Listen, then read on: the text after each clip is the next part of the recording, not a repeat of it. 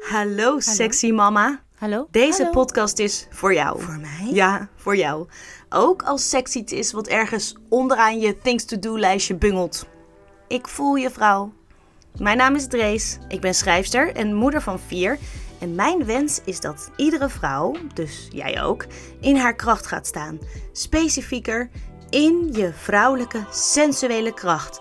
In deze podcast begin ik bij mezelf. Ik ga onderzoeken hoe ik de magie van sensualiteit en seksualiteit weer terug kan vinden en terug kan brengen in mijn leven. Intiemer dan dit wordt het niet. Uh-oh. Ik ben er klaar voor. Denk ik. Ga je mee? Hey, fijn dat je er bent. Vandaag in deze podcast, hmm, ja, wil ik het met je hebben over dat ik echt geen behoefte aan seks heb. En daar ga ik ook een wetenschappelijke verklaring voor zoeken en wel in de piramide van Maslow. Stay tuned. Oké, ik heb nu dus een podcast. En een website en een social media kanaal of twee met die podcast. Met bijpassende sexy foto's en prikkelende uitingen. Als je dat zo ziet, dan lijkt het wel alsof ik altijd geil ben. Oeh la la. Of in elk geval in de mood, open, sensueel. Maar nee, dat ben ik dus niet. Helemaal niet. Misschien heb ik een verkeerd beeld van mezelf geschetst. Ik bedoel, het draait niet allemaal alleen maar om seks. Oh nee? In elk geval draait het niet alleen maar om sexy lingerie, massageolie en jezelf lekker voelen. Ik bedoel niet dat dat niet belangrijk is of heerlijk kan zijn, maar. Hmm, en niet dat seks niet de basis is van alles, maar misschien moet ik het zo zeggen. Ik heb een haat-liefde verhouding met seks. Misschien denk jij wel als luisteraar of als eh, iemand die mij ziet op social media dat mijn leven altijd roze of bordeaux-rood is. Maar nee, dat is te plat, te tweedimensioneel. Een beetje ordinair zelfs. Ik ben namelijk alle kleuren van de regenboog. Hoewel ik geloof dat moddergrijs niet echt in de regenboog voorkomt. Maar oké, you get my point. En daarom bestaat deze podcast, omdat het een zoektocht is naar een sensationeel leven. En dat betekent heus wel confetti, maar ook soms een dikke regenbui. Of dat het zo windstil is dat zelfs het waakvlammetje bijna dooft. Te saai om te noemen eigenlijk, maar het hoort er toch bij. In deze podcast wil ik juist diepgang geven en realiteitszin. Sensationeel in de zin van alles voelen, alle sensaties, bladibladibladibla. Nou, vandaag betekent het dat ik dik vet twijfel aan alles. Aan mezelf, omdat ik me lelijk dik vet voel. Omdat ik twijfel aan wat ik te melden heb. Aan waarom ik mezelf in godsnaam presenteer als iemand die van seks houdt.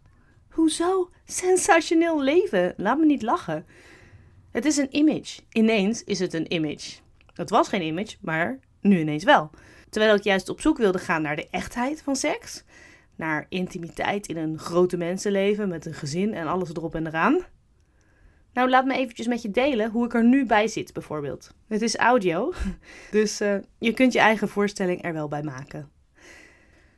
Mijn ogen zijn een beetje plakkerig. Oogontsteking is besmettelijk en mijn dochtertje heeft het op dit moment. Mijn haren zijn slierterig van de te haastig uitgewassen luizenshampoo. Alweer luizen? Ja. Oh nee, oh nee, oh nee, oh nee, oh nee. Ik draag een jurk die eigenlijk in de was moet, maar ik kom telkens niet toe aan die verdomde wolwas. Nou, één dagje kan nog wel. En om dezelfde reden heb ik een oude zwangerschapslegging uit de kast gepakt. Ik ben niet zwanger, maar ik had gewoon niks om aan te trekken. Ik voel me chagrijnig. Het irritante is dat ik mijn chagrijn vandaag niet hormoneel kan verklaren. Een paar weken geleden was ik nog helemaal in de gloria, omdat ik begreep dat zwaarmoedigheid en behoefte aan eigen ruimte te maken had met de nesteldrang van een bijna menstruerende vrouw, oftewel PMS. Maar nu heb ik vorige week gemenstrueerd. Ik ga richting ovulatie, dus ik zou vrolijk moeten zijn en zin moeten hebben. Heb ik dus niet. Nee, ik sprankel niet, ik geniet niet. Ik heb het gevoel alsof ik de hele tijd aan het overleven ben. En ik wil dat daar een oplossing voor komt. Ik wil weer genieten, voluit leven. Want ja, nou ja, zo ben ik. Oplossingsgericht. Alles is te verhelpen. Alles. Zo denk ik erover.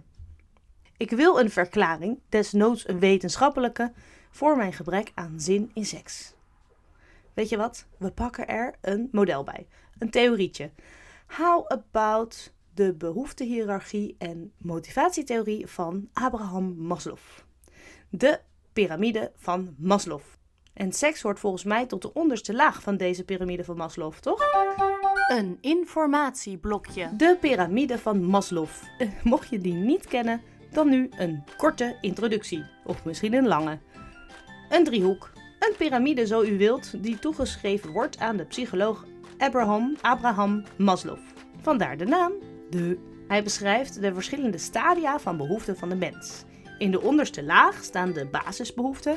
Daarboven komt een laag van dingen die ook best wel belangrijk zijn, maar niet van levensbelang. En je kunt volgens dit idee alleen maar naar de volgende laag als aan de onderliggende laag behoeftes is voldaan. En helemaal bovenaan de piramide staat zelfontwikkeling. Het schijnt dat meneer Maslow in de laatste 20 jaar van zijn leven werkte aan dat laatste puntje en dat het dus niet stopt bij zelfontwikkeling, maar dat er eigenlijk nog een soort kers op de taart moet. Iets in de trant van zingeving, een hoger doel. Hij noemt dat zelftranscendentie. Oké, ik geef toe. De piramide is niet helemaal onomstreden. Maar er zit wel een bepaalde logica in. Eerst moeten je fysiologische behoeftes worden vervuld. Daarna heb je behoefte aan een bepaalde veiligheid. Vervolgens aan sociale contacten. Daarna aan eigenwaarde. En tot slot kom je dus tot die zelfontplooiing. En als het een beetje meezit, kun je doorstijgen tot je hogere goddelijke zelf. In de onderste laag vind je behoeftes die je moet, moet Niets moet? Moet. Oh jawel, dit moet wel. omdat je anders gewoon sterft. De fysiologische behoeftes van de mens die alles te maken hebben met dingen tot je nemen en weer uitscheiden. Zoals eten, drinken, douchen, poepen, spuiten. Ook seks. Ja, seksuele driften, je zak legen, zeg maar. Seks is natuurlijk een voorwaarde om überhaupt het voortbestaan van de mens te waarborgen en daarom hoort hij in de eerste laag. Hoewel het overigens, je weet zelf, dankzij moderne technologie, helemaal niet meer nodig is dat er een piemel in een vagina gaat om het voortbestaan van de mensheid te kunnen garanderen. Maar toch is seks ook een oerdrift. Hoewel ik me dus serieus afvraag hè, of vrouwen ook seks in die eerste laag moeten hebben staan. Of wij, vrouwen, niet kunnen overleven zonder seks. Dat is misschien wel heel onfeministisch om te zeggen. En misschien is het tegelijkertijd wel heel feministisch om te zeggen. Ik weet niet. Maar zoals de meeste modellen is dit ook nogal lineair, oftewel masculien, rigide, masculien dus, model. ehm, gemaakt door een man, gebaseerd op wetenschap die gemaakt is door mannen. Hopelijk gebaseerd op onderzoek, gedaan onder mannen. Inmiddels weten we dat het eh, overgrote deel van het onderzoek namelijk niet onder vrouwen is gedaan. Dat eh, is je misschien wel bekend. Ehm, dat heeft iets te maken met mm, dat wij vrouwen te complex zijn, te cyclisch. Omdat vrouwen mm, heel lange tijd te druk waren met baren en voeden en geen tijd hadden voor leuke spelletjes in de laboratoria. Of omdat de behoeften van de vrouw nogal fluctueren, al is het maar per week, omdat onze hormonen er elke week weer net even wat anders bij hangen. Nou, daar hebben we het nog wel een keertje over. Ik werk rustig verder aan. hmm, hoe zal ik hem noemen? De lemniskaat van Drees Koren. Maar tot die tijd hebben we het te doen met dit model, de piramide van Maslow. Want seks zit niet alleen in de onderste, in de eerste laag van de piramide, maar hij komt nog een keertje terug. En wel in de derde laag. Maar dan heet hij niet botweg seks, maar seksuele intimiteit. In deze vorm valt het in de categorie sociale behoeften. Bij het verbinden met een ander. Dan hoef je overigens niet per se je zak te legen, maar gaat het wel over het stukje samen zijn. Nou, en dat klinkt een stuk meer als de seks waar ik naar op zoek ben. En, tromgeroffel, er is nog een plek waar seks terug zou kunnen komen, als het aan mij ligt. En ik vraag mij af of meneer Maslow dit zich wel heeft gerealiseerd. Ik heb het namelijk over de hogere seks. Seks die hoort in het puntje, de vijfde laag van de piramide van meneer Maslow. In de plek van zelfontwikkeling. De seks die therapeutisch werkt. Die ervoor zorgt dat je dichter bij je eigen kern komt. Die trauma's heelt. De seks die je hart opent. Die je zelfliefde vergroot. De seks die voorbij gaat aan het je zak legen en voorbij gaat aan het samenkomen met de ander, maar die gaat over verbinding maken met jezelf. Intiem zijn met jezelf. En misschien, nee zeker weten, kan seks nog wel doorstijgen naar dat nieuwe, zesde, bijna over het hoofd geziene laagje van de piramide. Misschien is dit wel het puntje waar meneer Maslow aan werkte. Aan het eind van zijn leven, toen hij zich realiseerde dat zelftranscendentie eigenlijk het allerhoogste goed is voor de mens en de laatste levensbehoefte. Misschien had hij rond zijn 62ste wel de beste seks ooit, waardoor hij ineens besefte dat er niks was tussen hem en God. Dat de sluiers werden opgelicht en dat hij wist dat hij zelf een goddelijk wezen was. Seks is dé manier om in een hogere staat van bewustzijn te komen. Seks als spirituele ervaring.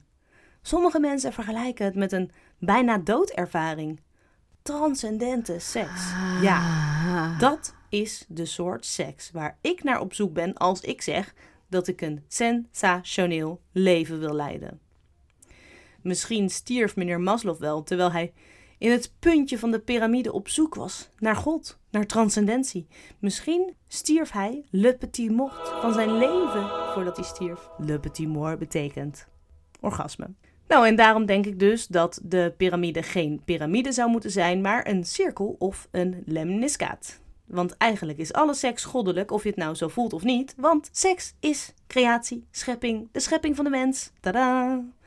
Is seks niet de onderliggende laag onder alles? Ik bedoel, eerst moet er seks zijn, voordat er een mens geboren wordt, met alle bijbehorende behoeftes. En daarom ben ik zo gefascineerd, vind ik het zo interessant, maar heb ik er ook een haat-liefde verhouding mee, omdat het alle lagen raakt. De ondergrondse laag, die Maslow niet eens noemt, trouwens, dus ik stel voor dat er een laag nog onder komt, onder de piramide van Maslow. En dus die bovenste laag, waar je pas komt als je de hele piramide hebt doorlopen. Maar volgens sommigen begint het misschien daar pas. Oké, ding dong, bent u er nog? Nu wordt de piramide van Maslow, Maslow ineens een heel spiritueel verhaal. Laten we teruggaan naar het hier en nu. Nou, en hier zit ik nu dus met mijn mooie verhalen. Maar laten we even realistisch zijn, eerlijk zijn. Mijn dagen, mijn levensdagen, bestaan uit het voeden van mijn kinderen, aan het vervullen van hun behoeften.